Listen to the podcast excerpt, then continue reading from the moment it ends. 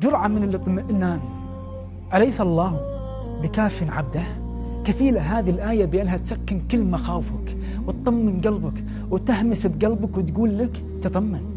الله سبحانه وتعالى معك وكافيك عن كل شر وكافيك عن كل ضر. وإذا قريت هذه الآية الثانية ادعوني أستجب لكم. كأنها مرهم لكل حلم أنت منتظره وما صار. كأنها تقول لك فضفض لله. والله سبحانه وتعالى بيستجيب. كما تهمس لك بأن لكل حلم موعد لعناقه بأن المستحيل ممكن علينا السعي والدعاء وعلى الله سبحانه وتعالى القبول والاستجابة. وأنتم تعلمون أن العلم هو مفتاح الدنيا وهو سبيل الآخرة. من أراد الدنيا فعليه بالعلم ومن أراد الآخرة فعليه بالعلم ومن أرادهما معا فعليه بالعلم. سلام الله عليكم يا أهلا وسهلا.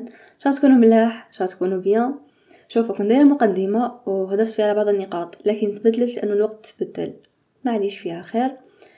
آه هذه غيبة أعلم. عدنا والعود أحمد. بإذن الله ما يكون كاين انقطاع مجددا. حلقة تاع اليوم حلقة جميلة ومميزة. حلقة رائعة وشخصيا أثرت فيا. قصة حب ومشي أي حب ولا حب كما تاع روميو وجولييت ولا قيس وليلى ولا حتى بثينة وعنتر. لا لا. قصة فيها من الوفاء والتضحية وكان يقسمهم على العالم كامل تكفيهم. ومن خلال هذه القصة أيضا نعرف بلي الإسلام دين حياة دين توازن دين اللي يخليك تخدم لدنياك وآخرتك. قبل البحثة راح أبي العاص للنبي صلى الله عليه وسلم. كي نقولوا قبل البحثة تما نهضروا قبل ما يكون محمد صلى الله عليه وسلم رسول. راح ليه وقال له يا رسول الله راني حاب نتزوج بنتك الكبيرة زينب رضي الله عنها. فأجابه الرسول صلى الله عليه وسلم لا أفعل حتى أستأذنها وبالفعل راح النبي صلى الله عليه وسلم لزينب وقالها بالكلمة الواحدة يا بنيتي إن ابن خالتك جاءني وذكر اسمك فهل ترضينه زوجا لك؟ شوفوا الألفاظ اللي كان يستعملها صلى الله عليه وسلم فالآية اللي تقول ولقد كان لكم في رسول الله أسوة حسنة مش غير آية اللي نقراوها ونجوزوها عادي ونقولوا إيه صح الرسول قدوتنا لكن كي تعاملاتنا وسلوكنا ربي يجيب الخير. تخيلوا واش كان الجواب تاع زينب رضي الله عنها؟ احمر وجهها وابتسمت. احمر وجهها بمعنى الخجل وابتسمت ثم قبلت ورضات. مرها تزوجت زينب رضي الله عنها ابن العاص لتبدأ قصة حب قوية. في الأخير هنعرفوا علاش قوية وعلاش وصفت بهذا الوصف. خلونا نعرفوا عفسة إنه ما كانش شهوة في الإنسان. خلقها ربي الا ودار لها قناة نظيفة طاهرة في الشرع. يعني في الإسلام ما كانش حرمان والإسلام ما جاش باش يلغي المشاعر والشهوات لأنه الإنسان بطبيعته خلقت فيه لكن جا باش يهذبها ويدير لها ضوابط. فالإنسان ما دام مؤمن سعادته بالمباح تكون أضعاف مضاعفة من المحرم. ما ترك عبد شيئا لله إلا عوضه الله خيرا منه في دينه ودنياه. لما بعث النبي صلى الله عليه وسلم نبيا كان أبو العاص مسافر. كرجع صاب زينب أسلمت. فقالت له عندي لك خبر عظيم. فراح وخلاها فزينب اندهشت. فتبعته تقول بعث أبي نبيا فأنا أسلمت. فهو قالها هل أخبرتني أولا؟ فزينب جاوبته ما كنت لأكذب أبي وما أبي بكاذب. يعني هو أصلا أبي قبل ما يكون نبي هو الصادق الأمين وكمل تعرفوا هذا الشيء. مش غير أنني أسلمت. أسلمت أمي وإخواتي وابن عمي علي وأسلم صديقك أبو بكر. فقال لها أما أنا فلا أحب أن يقولوا خذل قومه وكفر بآبائه إرضاء لزوجته. كيفاش راكي حابة يقولوا عليا تبع مرته وخلى دين عشيرته وقومه غير باش يرضيها وما أبوك عندي بمتهم يعني أنا ماشي كذا في باباك. بصح هذا ما يولمنيش فهل عذرتني وقدرت ذلك؟ فشوفوا دقة الكلمات ورقتها. اختيار دقيق الألفاظ. فتخيلوا واش كان الجواب تاع زينب بعد ما رفض زوجها أن يدخل في الإسلام. ومن يعذر إن لم أعذر أنا ولكن أنا زوجتك. أعينك على الحق حتى تقدر عليه. يعني أنا مش حسيف عليك ولكن حنعاونك. بقى أبو العاص على الكفر عشرين سنة. إيماجينيو مشي شهر ولا زوج ولا عام ولا عامين. عشرين عام وهو كافر حتى جاءت الهجرة يعني الهجرة من مكة للمدينة. فراحت زينب للرسول صلى الله عليه وسلم وقالت له أتأذن لي أن أبقى مع زوجي؟ مع أنه باباها راه رسول بكلمة واحدة يصرى واش حبت. فأذن لها النبي صلى الله عليه وسلم بالبقاء مع زوجها وبقات معه في مكة حتى صارت غزوة بدر. وقرر أبي العاص باش يخرج يقاتل في صفوف قريش. الموقف اللي كانت فيه زينب مشي سهل. زوجها يحارب أباها فكانت تبكي دايما. وبزاف. وتقول في دعائها اللهم إني أخشى من يوم تشرق فيه شمسك فيتيم أولادي أو أفقد أبي.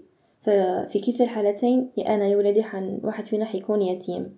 بعد ما خلصت غزوة بدر أبو العاص داوه مع الأسرى يعني أصبح أسير. في الغزوات ولا في المعارك كاين اللي يموت على كفر وكاين اللي يموت شهيد. واللي يبقوا عايشين الجيش اللي يفوز يديهم كأسرى. وصلت الأخبار لمكة ومكة فيها زينب. فزينب تسأل ماذا فعل أبي؟ فقالوا لها انتصر أبوك والمسلمون. فسجدت لله شكرا. وراها سقسيت على أبي العاص ماذا فعل زوجي فأجابوها أسره محمد. فقالت أرسل في فداء زوجي. زينب ما كان عندها والو حتى حاجة آه، غالية ولا ثمينة. راس مالها هو عقد تيماها خديجة رضي الله عنها. مدته لها. فأرسلت هذاك العقد في فداء زوجها إلى النبي صلى الله عليه وسلم. وكان صلى الله عليه وسلم كجالس ويتلقى الفدية ويطلق الأسرى. فكي شاف العقد عرفه وسأل هذا فداء من؟ فقيل له هذا فداء أبي العاص صهره. فبكى صلى الله عليه وسلم وقال هذا عقد خديجة. ثم نهض واستشار أصحابه. معليش ترجعوا لزينب عقدها. رغم المكانة تاعو صلى الله عليه وسلم. نبي زعيم حاكم قائد جيش. كل هذا يطبق مبدأ الشورى. قمة في الديمقراطية يعني هذه قمة الديم... الديمقراطية الصحيحة. فقالوا نعم يا رسول الله. فأعطاه العقد وقال له قل لزينب لا تفرطي في عقد خديجة. على درجة الوفاء وفاء لا حدود له كانت مرة سقطته عائشة رضي الله عنها. كي شفتو يذكر خديجة بزاف ومنساهاش حتى كي ماتت. ألم يبدلك الله خيرا منها؟ فقال لا والله لا والله. ثم قال رسول الله لأبي العاص معليش نقول لك كلمة مزعجة. خبر مش شباب. أمرني الله أن أفرق بينك وبين زوجتك. وهنا كان جاء حكم تحريم زواج المسلمة لغير المسلم. فكما نعرف يجوز للرجل المسلم أن يتزوج من غير المسلمة لكن بشرط أن تكون من أهل الكتاب يعني تكون كتابية يا نصرانية يا يهودية ولكن مسلمة يا مسلم يا مكاش فقال أبو العاص دام إيه خلاص. خرجت زينب باش تستقبله على أبواب مكة. كي شافها قالها إني راحل. قالت له إلى أين؟ فهو جاوبها لست أنا الراحل بل أنت من سترحلين إلى أبيك.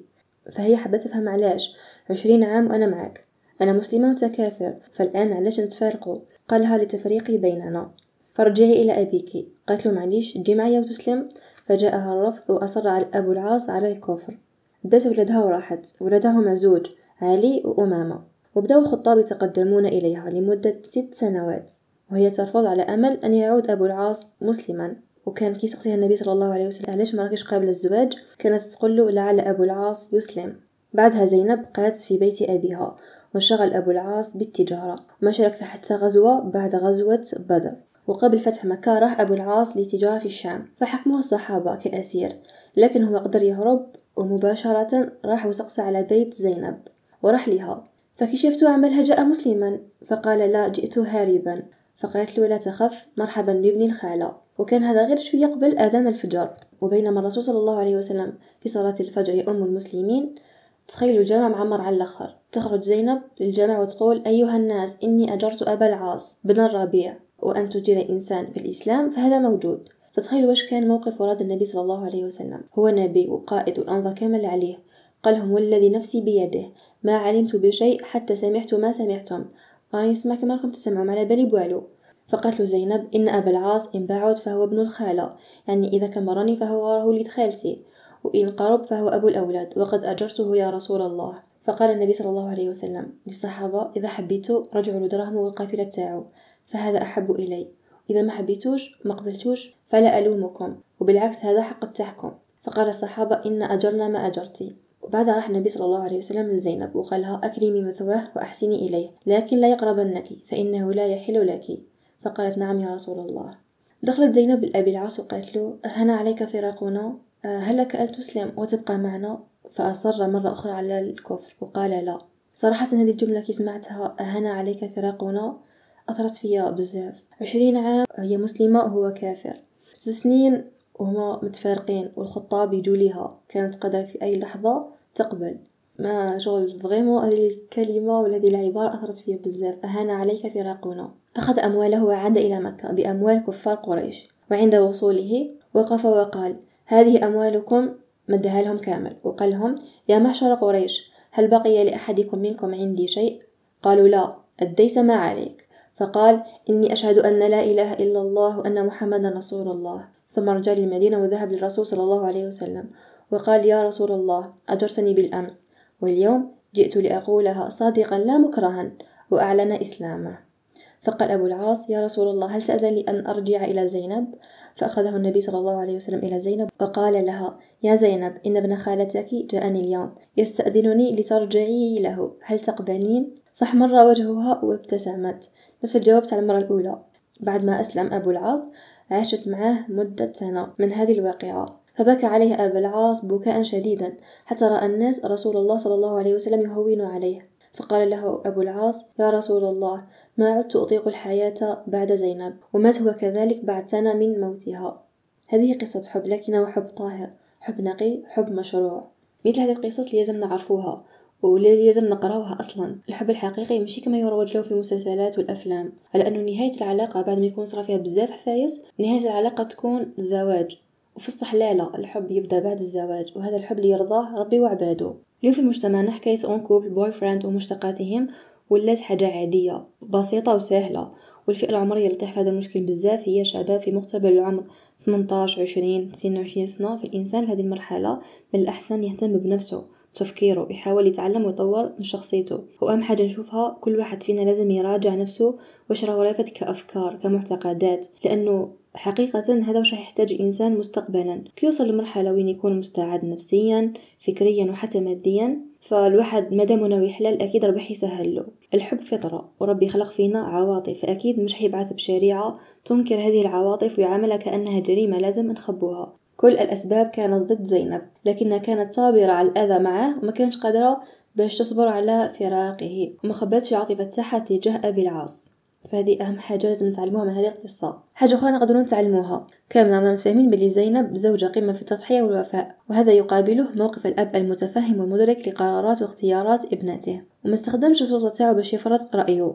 بزاف آباء يفرضوا آرائهم ولا اختياراتهم على أولادهم بحجة الخوف عليهم. دور الآباء هو إعداد أولادهم للحياة مش باش يعيشوا حياة أولادهم كذلك. حتى في أبسط القرارات وأصغرها يعني مثلا اختيار التخصص الجامعي. نعرف شخصيا بزاف ناس اللي والديهم هما اللي خيروا لهم التخصص بحجة أنه هذا تخصص مليح في المجتمع. بزاف آباء يقولوا وليدي ولا بنتي ماشي تاع مسؤولية وهذو نفسهم اللي يتخذوا القرارات بدل أولادهم. فأنت ولا أنت حط بنتك ولا وليدك في موقف تاع مسؤولية وشوفوا إذا كان قدها ولا لا. لا إلى هنا نقول لكم آه، شكرا لكم. وصلنا لختام هذه الحلقة. شكرا لكل شخص وصل لهذه الدقيقة وهذه الثانية فشكرا من القلب. نتلاقاو الحلقة الجاية بإذن الله. مش حتكون بعيدة بزاف من هذاك الوقت تهلاو في روحكم. دمتم سالمين بحفظ الله. تظن أنها قصيرة مذهلة فكم من راكب أراد وجهة لينتهي به الطريق مقفلا. هي لعبة قانونها. الفوز ليس بالوصول أولا بل بالوقوع والوقوع فرصة للحلم أن يقيس العزم سائلا استسلم أم أكملا.